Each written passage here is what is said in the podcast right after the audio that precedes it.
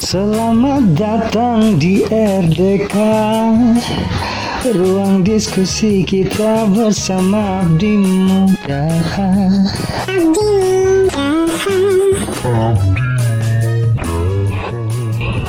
Assalamualaikum warahmatullahi wabarakatuh. Halo. Hai. Hai semuanya. Oke, eh, di malam yang sesunyi ini, malam Jumat hari ini, Malam ini. kita kembali lagi eh, ke podcast Abdi Muda. Tentunya mungkin ini salah satu podcast yang paling ditunggu karena Amin. apa? Iya nanti kita lihat betul kan Anda. Oh ya, eh, untuk mulai ini semua mungkin kita akan kenalan dulu satu persatu karena ini personilnya banyak yang baru juga. Kita mulai dari siapa dulu nih? Mas Mulai dari Dora. Kadian dong. Wah, Mulai dari Bismillah nggak sih? Mulai. Nah, Benar juga deh. Wah, kupinang kau dengan Bismillah ini kan Anda. Ya beda bang Waduh, bos waduh. konteksnya. Oke guys, Eh, kenalin, aku baru pertama nih megang podcast.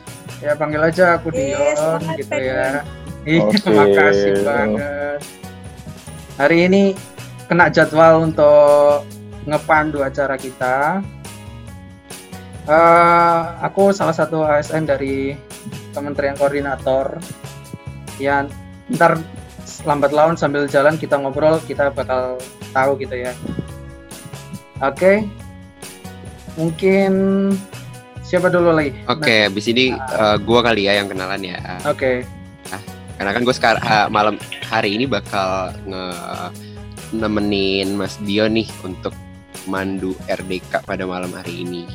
Kenalin nama gue Denny, eh, gue ASN dari Kementerian Keuangan. Dan sekarang kita punya dua temen dari Abdi Muda ya Dion ya. Teman-teman dari Ya. Abdi Muda yang kita ajak ngobrol malam ini. Yang pertama ada Wiki, silakan Wiki kenalkan diri. Halo sobat Abdi Muda, kenalin nama saya. Hai. Wiki. Bisa manggil Wiki aja. Yeay. Eh, saya ASN juga sama di Kementerian Keuangan. dan Yeay. Selanjutnya. kita coba kenalan sama Kananda, salah satu yang tercantik malam ini. Ya, karena gue cewek sendiri. Sama ada kakak Firda juga, cuman dia bersembunyi di balik gelapnya malam. Asik. Oke, oke. hai semuanya pendengar RDK Abdi Muda. Kenalin gue Nanda dan gue juga ASN dari salah satu kementerian pusat. Inisialnya Pan RB. Dah, Luar ya, biasa. Terima kasih. Waduh. Luar biasa harus disebut ya pusatnya ya. Iya. pusat apa nih? Pusat apa? Pusat keramaian lah. Nge-branding cuy, nge-branding. Oke. Nah hari ini malam ini eh, pasti pada Hmm. penasaran nih teman-teman Abdi Muda kita bakal bahas apa sih? Ada yang mau ngasih spoiler nggak? Spoiler kelet ya. Spoiler keletnya ya mungkin kita bakal bahas buku sih mas tepatnya. Oke. Oh iya. Ini ha- malam ini kita bakal bahas buku salah satu topik yang mungkin baru nih bakal kita uh, angkat di RDK ya sebelum-sebelumnya kan isu-isu uh, yang lagi in biasanya kan. Nah, sekarang kita mau coba bedah buku malam ini. Ini. Oke. Serius banget ya. Bakalan serius banget ya. Buku bukan sebarang buku Kak Nanda ya nggak? Oh, iya, buku apa iya, nih? Buku iya ATM sih. atau buku nikah ini? buku rekening kali. Buku paspor biru kayaknya sih asik. Waduh. Langsung kasih spoilernya aja ya kali ya. Boleh boleh boleh. Ya, kita langsung aja kali ya. Langsung Mungkin aja. eh, Hmm. penulisnya dulu kali ya. Oke. Oh iya, penulisnya Barangkali ada Iya, yang benar. sudah Nah, kenal jadi sama buku penulisnya. yang mau Uh, jadi buku yang mau kita ulas malam ini adalah buku karangan dari Malcolm Gladwell. Benar. Oh, bener nggak tuh Oh. spellingnya? Benar benar ya. Spelling nggak ada yang salah bang. Spelling nggak ada yang salah. Jadi Malcolm Gladwell ini adalah salah satu uh, penulis bestseller di New York Times Dia itu penulis uh, berkembang uh, berkelah yang lahir di Inggris ya, masalah Wah, ya jurnalis dari Kanada, jurnalis New York Times. Nah, uh, jadi salah satu apa buku yang mau kita bahas ini adalah karyanya dia, karya beliau. Mungkin Benar pasti udah langsung nih uh, para pendengar udah langsung oh pasti bukunya yang ini nih, yang ini nih. Iya. Bener banget nih, jadi- gitu. Iya, saking Terkenal itu nggak terkenalnya. Benar-benar. Jadi buku yang yang mau kita ulas ini judulnya itu Bling, Waduh, bling bling. Bling, Bling bling, Bling. bling, bling. Bling. Itu aku Zaman kalau dengar bling, namanya Bling kan. ah, makanya kalau dengar bling tuh ingatnya kayak eh, semacam Blackpink gitu, bukan ya? Ya, Jadi kayak nama tanya. girl Oke, buku judulnya Bling dari Malcolm Gladwell. Ya, Isinya apa sih? Itu eh, buku Bling Bling itu gimana Bang Denny? ya oke. Jadi uh, sekilas nih ya, karena gue juga belum baca. Jadi Bling ini itu kalau di tombolnya itu judulnya Bling kemampuan berpikir tanpa berpikir. Nah kalau tadi misalnya kita udah bahas pengalaman-pengalaman kita kalau melihat sesuatu terus merespon atas sesuatu. Nah, buku ini mencoba mengulas hal-hal tersebut gitu ya. Betapa pentingnya kita eh, apa menganalisa sebelum berpikir dan bagaimana cara cara kita eh, meningkatkan kemampuan menganalisis kita tersebut gitu. Waduh. Ya kurang lebih kayak gitulah nanti eh, Nanda sama Wiki nih yang yang udah baca bukunya pasti bisa bisa lebih banyak cerita ke kita nih ya. Betul, betul. Kita akan menyelami lebih dalam. Gimana cara berpikir tanpa berpikir? Waduh, Waduh, susah. Ngeri ya cenayang. Ngeri ini kayak, iya ini kayak Jadi kayak slogan kaya tanpa kerja gitu kan. Jadi kita kayak ngepet sebenarnya. Pesugihan kita ini. Atau makan tanpa ngunyah kali ya. Jadi Aduh ya Allah. hewan apa ini berpikir Jadi tanpa buku apa berpikir? ini coba? Ya, eh, langsung aja. Mungkin sebelum eh, secara detail kita bedah satu-satu kali ya. Eh, mungkin Oke. kenapa sih dari sekian banyak bukunya si Malcolm atau si Gladwell ya orang luar kan biasanya nyebut nama terakhirnya tuh. Iya, iya. Kenapa buku Bling ini yang kita kupas gitu? Barangkali dari Wiki atau Nanda? Enggak nanda dulu deh kayaknya. Kan Nanda, silakan. Aku dulu ya. Oke. Oke, so jadi um, nice question sih uh, Kak Dion karena kan uh, Gladwell tuh kan udah nulis kayak lima buku gitu ya dan most, uh, lebih dari lima buku sebenarnya Mhm. cuman yang paling best seller tuh ada lima buku tadi sempat disebutin sama Denny ada tipping point, ada bling, ada outlier segala macam. Nah, kenapa yang kita bahas hari ini tuh bling karena dari segi judul sendiri tuh kayak menarik banget gak sih ketika lo, lo mikir tanpa berpikir. Itu kan kayak suatu judul yang marketnya oke banget nggak? iya, iya. Itu yang- itu yang bikin orang jadi pengen beli kan buku itu yang pertama mungkin ya. Puluhan tahun ya artinya kita tuh udah banyak eh, apa ya menjalani banyak hal gitu menjalani sesuatu. Dan kadang kita itu suka muncul intuisi tapi kadang-kadang suka kita negasikan kayak ih apa sih ini? Mungkin cuma perasaan buku ini tuh berusaha untuk mengilmiahkan tuh ya perasaan gitu sih kalau menurut gue kenapa Wah. kita harus kenapa kita baca buku ini gitu Betul, betul. Jadi menarik banget nih ya buat baca bukunya kayaknya. Yes, yes. Karena dia kayak mempertentangkan apa yang sebenarnya eh, logis gitu kan ya. Sebenarnya judul-judul ah, judul-judul buku kayak gini itu banyak juga sih di eh, toko-toko buku kalau kita lihat gitu. Dan kalau aku baca judul-judul buku Hmm. semacam ini yang ada di pikiranku ini, tuh ngajarin orang biar sakti gitu ya. Maksudnya gini, misal tuh ada buku judulnya eh, beli rumah tanpa hutang gitu kan. Bagaimana memahami orang Oh, iya. dalam hanya dengan bla bla bla ini tuh kayak eh, clickbait gitu kan. Tapi sejujurnya apakah Ya. betul? Apakah buku ini clickbait atau kayak apa? Coba mungkin Kak Wiki bisa memberikan pandangan ya. Kenapa buku Hmm. ini menjadi menarik untuk dibaca dan untuk diulas gitu? Oke oke.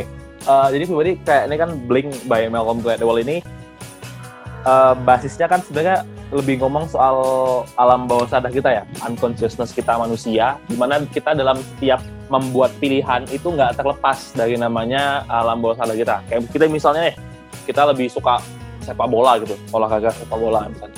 Itu mungkin kita bisa bilang kalau kita suka ya kita, cuma karena suka aja. Padahal sebenarnya enggak, kayak kita sebenarnya ada hal-hal yang mendasar gitu. Entah misalnya kita dulu pernah waktu kecil misalnya uh, sering nonton bola sama bapak atau yang hal lain itu semua mengakuin kan. Terus tadi Mas Dion ada nyinggung soal clickbait. Kalau clickbait sebenarnya ini clickbait banget Mas.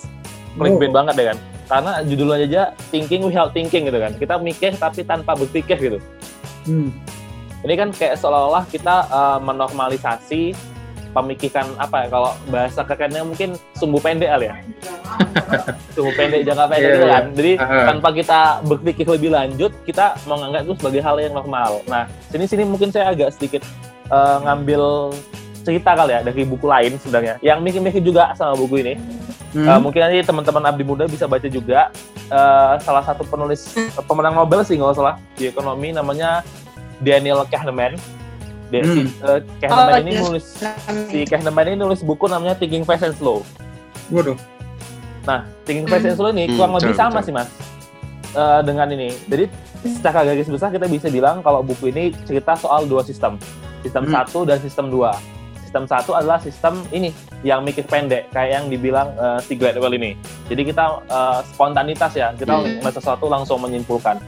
Sedangkan sistem dua adalah sistem uh, pemikiran yang kita kembangkan seiring dengan apa ya evolusinya manusia gitu. Hmm. Itu kita sih berpikir Hmm. lebih dalam kita lebih mikir sesuatu kita kita nggak langsung ngambil mentah-mentah lah kita ngeliat sesuatu kita mikir dulu kita pahami ini benar nih faktanya gimana ini keterangannya gimana ini sedangnya gimana nah kalau misalnya sistem satu ini ini adalah mungkin yang jadi pokok bahasan si Gladwell ini ya kita Hmm. bahas sistem satu gimana kita bisa Hmm. ngeliat sesuatu tahu gitu tapi kalau saya pribadi sih sebenarnya ya saya pribadi baik lagi ini adalah uh, opini saya pribadi saya sendiri sebenarnya kurang suka dengan uh, sis- konsep sistem berpikir yang dibawa Gladwell. Hmm. Kenapa?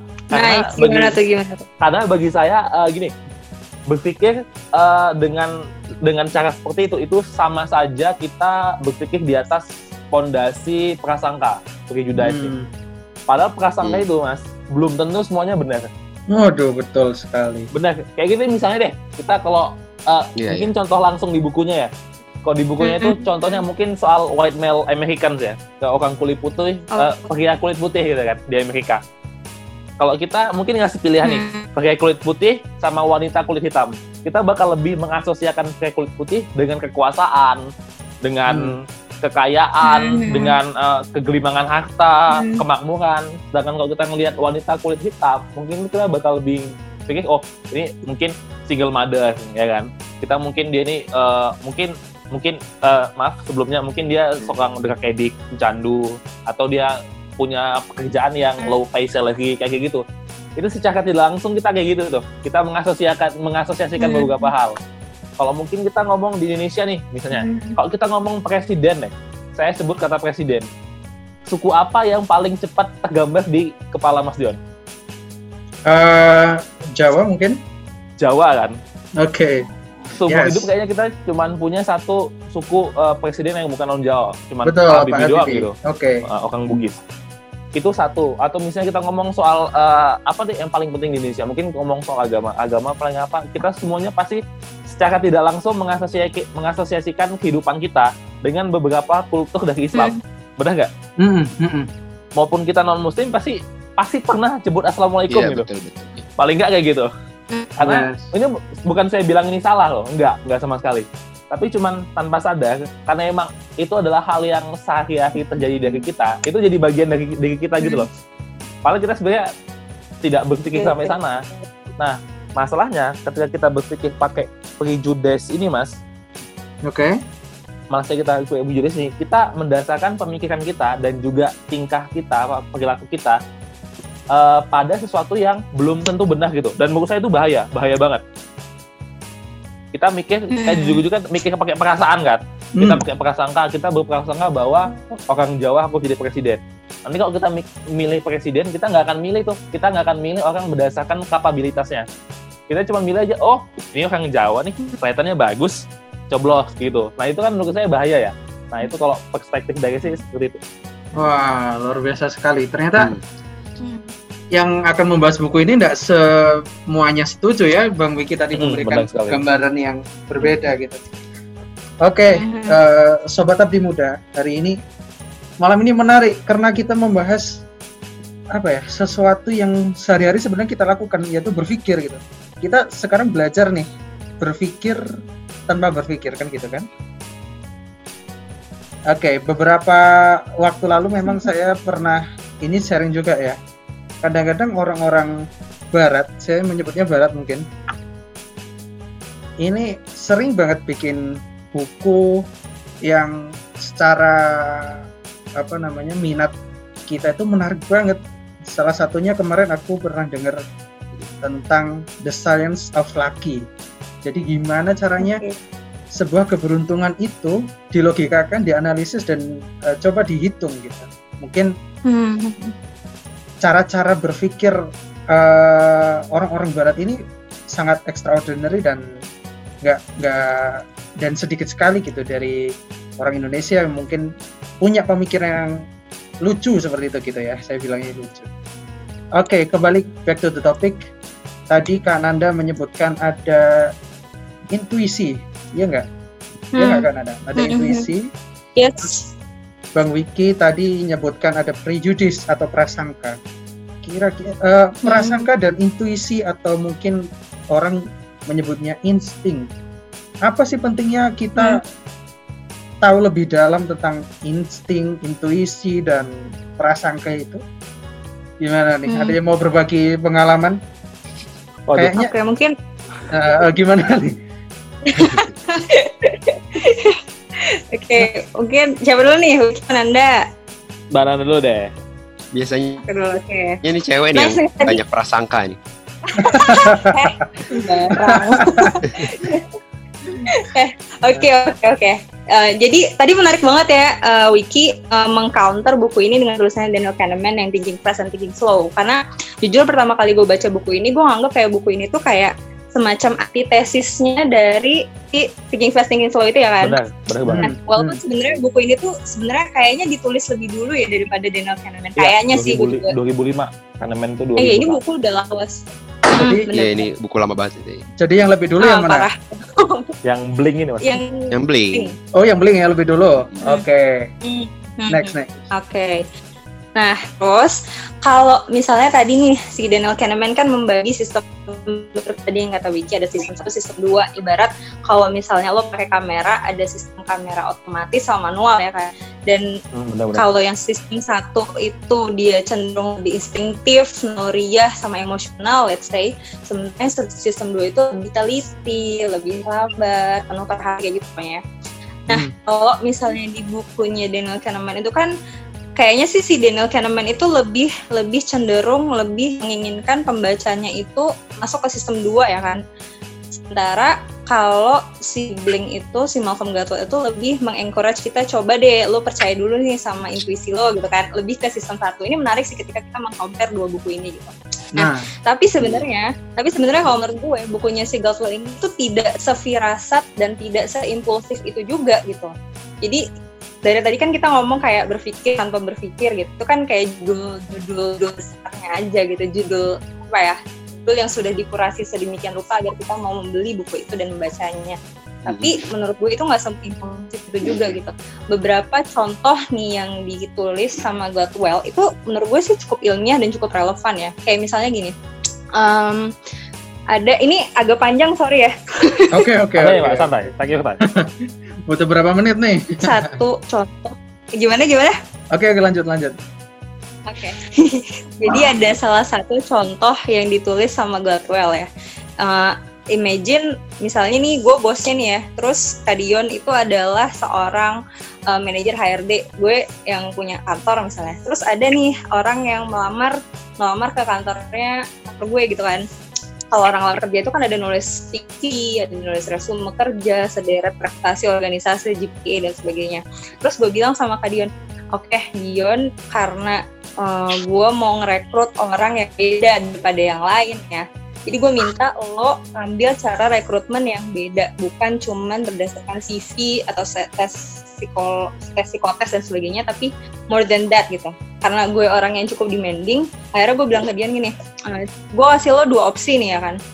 Oke. Opsi pertama adalah lo gue kasih waktu seminggu dua kali dalam sebulan. Nah dalam sebulan itu lo jadiin dia close friend lo, lo ajak makan, lo ajak jajanin lah segala macam asik kalau misalnya yang ngelamar cantik ya kan kan minta terus. nah itu itu opsi pertama, itu opsi pertama. Opsi kedua adalah lo ambil waktu 90 menit aja untuk room tour ke kamarnya untuk mengetahui room tour tapi secara mendadak ya kayak sidak gitu untuk mengetahui karakteristiknya. Gue cuma butuh lo pilih antara dua cara itu dengan eh, tujuannya adalah untuk menjawab setidaknya tiga pertanyaan. Yang pertama, apakah dia jujur? Yang kedua, apakah dia bekerja keras? Dan yang ketiga, apakah dia terbuka dengan gagasan baru? Karena tiga poin ini, menurut gue ya si bosnya ya, karena tiga poin ini itu nggak bisa kita nilai kalau misalnya kita cuma lihat CV sama resume doang itu sama sekali nggak bisa kita butuh sesuatu yang lebih daripada itu gitu kan. itu yang sempat ditulis Gladwell di bukunya oke akhirnya si bos HRD-nya mikir-mikir nih kira-kira pakai cara yang mana ya? Cara yang efisien yang paling efisien dan paling efektif untuk mengenal si apa namanya si eh, kandidat pegawai calon si pelamar tadi. Akhirnya si HRD-nya itu coba untuk room tour aja nih selama 90 menit ke kamarnya si eh, apa pelamar. Untuk mengetahui bahwa dia jujur atau enggak itu agak susah emang kalau misalnya pakai room tour gitu. Itu perlu pendekatan gitu kan perlu kalau si Gladwell ini nyebutnya ada irisan tebal atau thick slicing sama irisan tipis atau thin slicing. Kalau untuk mengetahui seseorang jujur atau enggak itu butuh pakai teknik yang thick slicing, artinya takes time gitu loh. Butuh kayak waktu ngobrol lama dan sebagainya. Tapi kalau untuk menjawab dua pertanyaan lainnya, apakah dia pekerja keras dan apakah dia terbuka dengan gagasan baru, itu cukup bisa dinilai dari kamarnya aja. Contoh gini, pekerja keras. Kalau misalnya akhirnya Mas Dion datang nih, tuk tuk tuk tuk masuk ke kamarnya si calon pelamar ya kan. Set, Mas Dion lihat nih, ada kumpulan vinyl misalnya itu dia alphabetical order misalnya dari A sampai Z atau misalnya dia ngurutnya secara warna gitu merah-merah biru-biru dan sebagainya gitu itu bisa kita artikan bahwa uh, si pelamar itu merupakan tipikal yang pekerja keras dan hidupnya itu teratur gitu loh teliti in order di karena kita bisa lihat bahwa vinylnya itu disusun secara rapi gitu dan dan berurutan. Sementara untuk menjawab pertanyaan ketiga apakah dia terbuka dengan gagasan baru? Mas Dion bisa nih lihat di kamar yang kira-kira ada beberapa macam benda yang berbeda. Maksudnya bukan beda dalam konteks gimana gimana ya maksudnya benda yang bisa merepresentasikan orang tersebut dengan cara yang berbeda. Misalnya let's say dia di situ ada gitar nih. Kemudian pojokan kamarnya ada kanvas misalnya sama sama alat lukis. Terus kemudian ada lagi uh, apa namanya uh, uh, apa piano misalnya. Kemudian ada lagi misalnya ada macam-macam gitu. Ada ada barang-barang ada setidaknya tiga atau empat barang berbeda-beda. Itu bisa kita kita judge atau kita berikan penilaian bahwa si pelamar itu adalah orang yang terbuka dengan gagasan baru. Artinya dia bisa dia bisa dia tuh lebih apa ya adaptif orangnya. Dia dia dia mau belajar hal-hal yang baru dan sebagainya. Sih jadi mungkin lebih ke kalau tulisan Gladwell ini dia lebih ke nggak nggak nggak yang cuman kayak sefirasat itu doang tapi lebih ke ilmiah sih kalau menurut gue. Lebih lebih pendekatannya lebih ilmiah sih. Itu sih. Wah, keren banget nih Kak Nanda. Ya hatam banget nih kayaknya Nanda ya sama ya, Berkali-kali baca nih. tadi kali baca gue ini Iya iya iya. Jadi benar nih eh, kata Kak Nanda.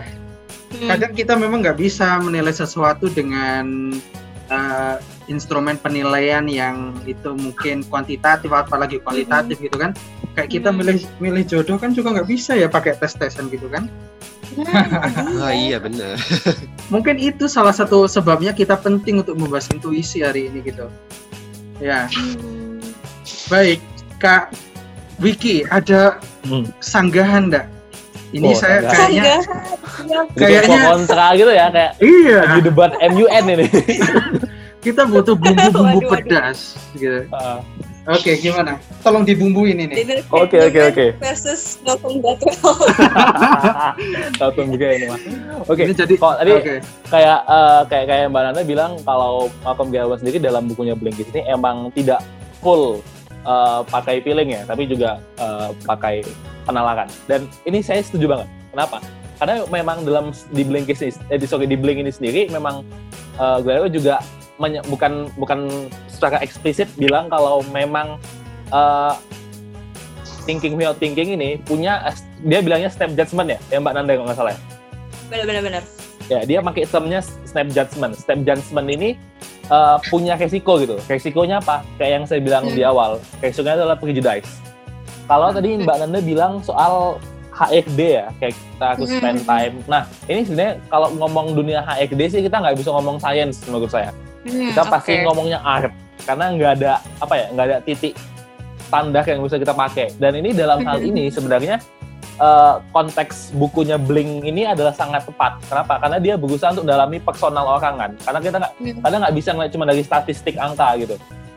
Apalagi ini kita ngomong orang yang mau eh, kerja sama kita se berapa lama ke depan gitu. Nah itu sebenarnya Mhm. menurut saya ini sebenarnya pas banget. Nah, eh, tapi sebenarnya gini, tapi bahkan ini eh, tindakan seperti ini juga sebenarnya membawa resiko. Kenapa? Karena makin lama kita dekat dengan seseorang, biasnya itu makin besar, Mhm. Mas Dion. Hmm. Yes. Misalnya deh, seorang, eh, kali kita pasti tahu eh, bedanya seorang yang saya sih nggak nggak bisa bilang apa ya, nggak bisa bilang ada orang yang full bebas dari emosi, nggak bisa. Kita manusia diciptakan Hmm. dengan hormon dalam tubuh kita untuk bisa untuk bisa merasakan itu. Tapi bedanya orang yang Hmm. emotionless sama emotionful itu kayak kalau misalnya kita ngeliat sesuatu, kita bakal tidak mempertimbangkan uh, hal-hal yang tidak rasional. Misalnya deh, kalau kita pakai sistem recruiting kayak eh, recruitment tadi yang kayak dibilang Mbak Nanda, kita apa berteman terus uh, menjalin kerjasama yang lama, bla bla bla. Memang kita bisa lebih dalam mengetahui tentang orang tersebut. Tapi di satu sisi kita juga makin punya bias yang makin besar gitu. Kita makin dekat loh kita kita makin dekat dengan dia, kita makin susah untuk memisahkan mana yang beneran karakteristik dia, mana yang uh, perasaan muncul karena kita dekat sama dia. Contohnya gimana? Contoh paling gampangnya kita lihat sama teman kita deh, teman dekat kita gitu, sahabat, atau mungkin orang tua, Mbak. anggap orang tua. Kita mungkin bakal susah untuk memisahkan mana sikap mama kita yang benar, mana yang sebenarnya nggak benar gitu. Karena kita udah terlalu jalan terlanjur emosional gitu kan sebenarnya. Mhm. Itulah kenapa kalau misalnya kita di pengadilan, kita kan kalau misalnya diminta apa ya, eh, diminta eh, saksi atau segala macam itu paling bis, paling diinginkan adalah orang-orang yang netral kan, adalah orang-orang yang tidak punya hubungan emosional. Kenapa? Karena kalau emosional ya kita nanti mem- nanti faktanya kabur gitu, tidak sesuai dengan apa yang ada. Itu sih sebenarnya. Emang pasti semua ada plus minusnya ya. Tapi kalau Hmm. ditanya saya gimana, saya pribadi bakal tetap condong ke facts sebenarnya. Karena apalagi dalam dunia profesional gitu. Hmm. Walaupun eh, tapi gini, facts adalah awal. Hmm.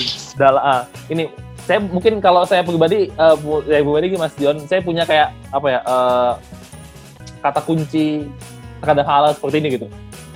Kita Iya. bisa objektif, tapi kita nggak bisa menyangkal kalau kita akan jadi subjektif. Betul, betul. subjektivitas itu nggak akan pernah hilang mas kayak emosi itu nggak akan pernah hilang kayak prejudice prasangka apa pun yang kita lakukan nggak akan pernah hilang yang bisa kita lakukan seminimal maksimal mungkin adalah cuman kita cuman sadar kalau kita punya prejudice Oke. menurut saya itu aja Betul. Waduh, Nice, nice. ini menarik banget ini pembahasan. Kira-kira butuh berapa Oh, episode iya, ini? oke. aduh Bisa bisa semangat. Oke. Eh, jadi sampai pembahasan ini kita kayaknya sudah imbang nih mana yang kayaknya penting untuk memakai intuisi kita dalam berpikir sehingga tadi ada snap judgment ya berpikir tanpa berpikir tapi di sisi lain hati-hati loh nggak semuanya yang snap judgment atau berbasis intuitif ini eh, aman gitu ada Oh, salah sisi-sisi gitu ya. Oh ya aman. bahayanya betul tapi sebelum lanjut, barangkali di sini ada yang mau tanya ke dua orang canggih ini. Saya coba buka. ada chipnya dong berarti. Card di leher. Silakan ada yang mau bertanya terlebih dahulu sebelum kita lanjutkan pembahasan yang semakin seru. Ini. Ada? Ada? Belum? Mungkin Bang Denny kali ada yang mau tanya. Ayo Bang Denny, silakan. Ada ketiduran nih kayaknya. Tadi penjelasan dari kan. iya mungkin bukan pertanyaan kali ya, komen Oke. aja kali. ya. Silakan. Kalau tadi uh, apa Nanda sama Wiki udah jelasin uh, kalau di Malcolm Gladwell itu lebih uh, apa membahas tentang uh, cara berpikir cepat gitu. Sedangkan kalau yang Daniel Kahneman tadi uh, lebih menitik beratkan kepada bagaimana caranya kita bisa berpikir lebih dalam lagi untuk uh, melihat suatu masalah gitu ya. Sebenarnya kalau buat gue sendiri itu nggak ada yang uh, salah benar ya. Kedua-duanya itu penting buat kita gitu. Karena di satu di apa? Di satu sisi kita, kita perlu juga uh, berpikir cepat gitu. Karena ada kalau misalnya kita yang tadi aku contohin aja kan uh, tentang uh, saat kita berkendara kita melihat polisi tidur terus kita harus uh, responsif untuk uh, memperlambat laju kendaraannya gitu kan. Itu kan salah satu kemampuan berpikir cepat yang harus dimiliki gitu. Hmm. sama kayak uh, apa berpikir deep thinking tadi yang dibahas sama Daniel Kahneman itu Hmm. juga penting juga perlu kita miliki gitu kemampuan itu gitu. Karena uh, nggak semua permasalahan itu bisa kita atasi dengan uh, analytical thinking yang cepat gitu. Perlu pemahaman-pemahaman perlu apa masukan masukan uh, input-input dari orang lain gitu. Supaya kita mendapatkan uh, solusi yang terbaik gitu. Kalau buat gue dua-duanya itu penting Wah, Oke. siap. Mantap. Aku nambahin boleh nggak? Oke, boleh banget. Boleh banget. Silakan. Oke, jadi eh, nice banget ya. Jadi Kak Denny ini kayak wise banget deh. Adem banget gitu ya orangnya. Aduh. Adem gitu ya. Oke, jadi sih bener sih tadi kayak dibilangin sama Wiki soal bias ya. Percaya nggak sih? Jadi gue pernah dengar di sebuah podcast tetangga, nggak tetangga juga sih ini emang udah terkenal banget podcastnya. Jadi Doi mewawancarai sutradaranya NKCTHI Angga Dwi Sasongko, tau kan? Tahu tahu tahu. Oke. Hmm, tahu, tahu. Jadi Oke. si Angga itu kenapa dia ngerekrut bukan ngerekrut ya lebih ke menggun apa sih bahasanya kalau sutradara itu apa sih meng-hire ya atau apa? Rekrut Ya lah ya. lah hayang lah. Ngerekrut si Rio Dewa. Rio, gue agak tahu apa istilahnya. Rio Dewanto sama siapa satu lagi tuh? Rio Dewanto sama Yang di awan. eh Sian kenapa siapa sih gue lupa pokoknya salah satunya Rio Dewanto aja kenapa benar. si oh ya si Angga Dwi Sasongko ini nge-hire Rio Dewanto sama Ardito Pramono let's say tanpa casting nah si artinya gini si Angga itu ceritanya kalau di podcast yang gue denger itu si Angga itu udah kenal deket banget sama Rio Dewanto. Jadi setiap kayak project apa apa langsung apa apa Rio apa apa Rio. Termasuk alur cerita atau gagasan ceritanya NKCTHI si Angga itu pertama kali nyeritainnya ke Rio Dewanto. And then karena mereka udah kenal dan si Angga juga udah tahu kualitasnya Rio Dewanto itu gimana langsung kayak bilang ya udah lo aja deh main gitu kan. Terus Rio Dewanto juga kayak offering offering himself gitu kayak eh pokoknya gue ya yang harus main di NKCTHI gitu boleh yang lain ya udah ya udah ayo ayo. Emang sih di situ ada bias kan di situ karena Hmm. tanpa melalui proses casting tahu-tahu karena si Angga udah deket sama Rio Dewanto dan Rio Dewanto juga kualitasnya udah nggak bisa kita ragukan lagi and then langsung aja gitu. Padahal kita nggak bisa kita juga tidak bisa menutup kemungkinan bahwa mungkin ya di luar sana itu banyak juga aktor yang lebih bagus daripada Rio Dewanto misalnya gitu kan. Tapi nah lagi ke konsep rekrutmen HRD yang tadi gue sempat bilang bahwa si, si siapa namanya? Si Godwell ini dari metode yang tadi kenal deket jadi close friend selama satu bulan sama room tour cuma 90 menit itu dia lebih cenderung ke lebih prefer heavy-nya itu lebih ke yang room tour sama selama 90 menit. Karena ketika room tour itu kan cuman cuman makan waktu 90 menit atau let's say 60 menit lah. 60 menit keliling-keliling lihat kamar ketemu yang punya kamar tapi dia udah bisa ngambil apa ya per, eh, ngambil justifikasi bahwa si A itu orangnya gini gini gini gini gitu kan tapi di sisi lain Gladwell ini juga ya memberikan atau mengoffer hal yang berbeda daripada tesis utamanya dia. Jadi di dalam buku ini juga ada antitesisnya juga sebenarnya. Jadi dia nyontohin ada namanya Warren Harding error. Jadi ini diambil dari namanya Warren Harding. Jadi Warren Harding ini mantan presiden Amerika Serikat yang dia dipilih itu cuman karena tampangnya doang cuy kayak lo ganteng, hmm, lo hmm, tinggi, putih, mata ya, lo biru, alis banget. Betul, ya kan? Betul. Alisnya tebel, akhirnya gue pilih lo gitu. That's it. Tanpa orang berpikir tanpa masyarakat Amerika pada saat itu tidak melihat pengalamannya saat masih menjadi anggota Kongres gitu. Padahal dia jarang ikut rapat segala macam bahkan pembahasan-pembahasan sifatnya sensitif dan bahasa pembahasan yang isu-isunya populis itu si Warren nggak ikut bahas gitu, nggak ikut involve di dalamnya. Nah, akhirnya karena si masyarakatnya ini terlalu impulsif, terlalu pakai intuisi, cuman thin slicing doang, lihat looksnya doang, akhirnya milih dan Walhasil Warren Harding itu nggak bisa apa ya, nggak bisa memenuhi ekspektasi masyarakatnya gitu. Sehingga ada tuh lahirlah konsep namanya Warren Harding error gitu. Jadi kalau menurut gue sih fair enough sih si Gladwell di dalam bukunya dia memprovide jadi buku yang setebal sekitar 280-an halaman itu dia dia memang pada intinya dari awal sampai akhir tuh sama aja sebenarnya. Bagaimana dia memaparkan berbagai hasil observasi, pengalaman, cerita orang-orang mengambil apa namanya mengambil apa ya sedikit porsi hmm. dari sebuah pengalaman untuk dampak yang sangat panjang. Tapi di sisi lain dia juga memprovide ada lo ini errornya. Makanya lo kudu hati-hati nih. Nggak lo nggak bisa se seimpulsif itu dalam berpikir. Lo nggak bisa menggunakan intuisi lo selama lamanya karena ini lo ada contoh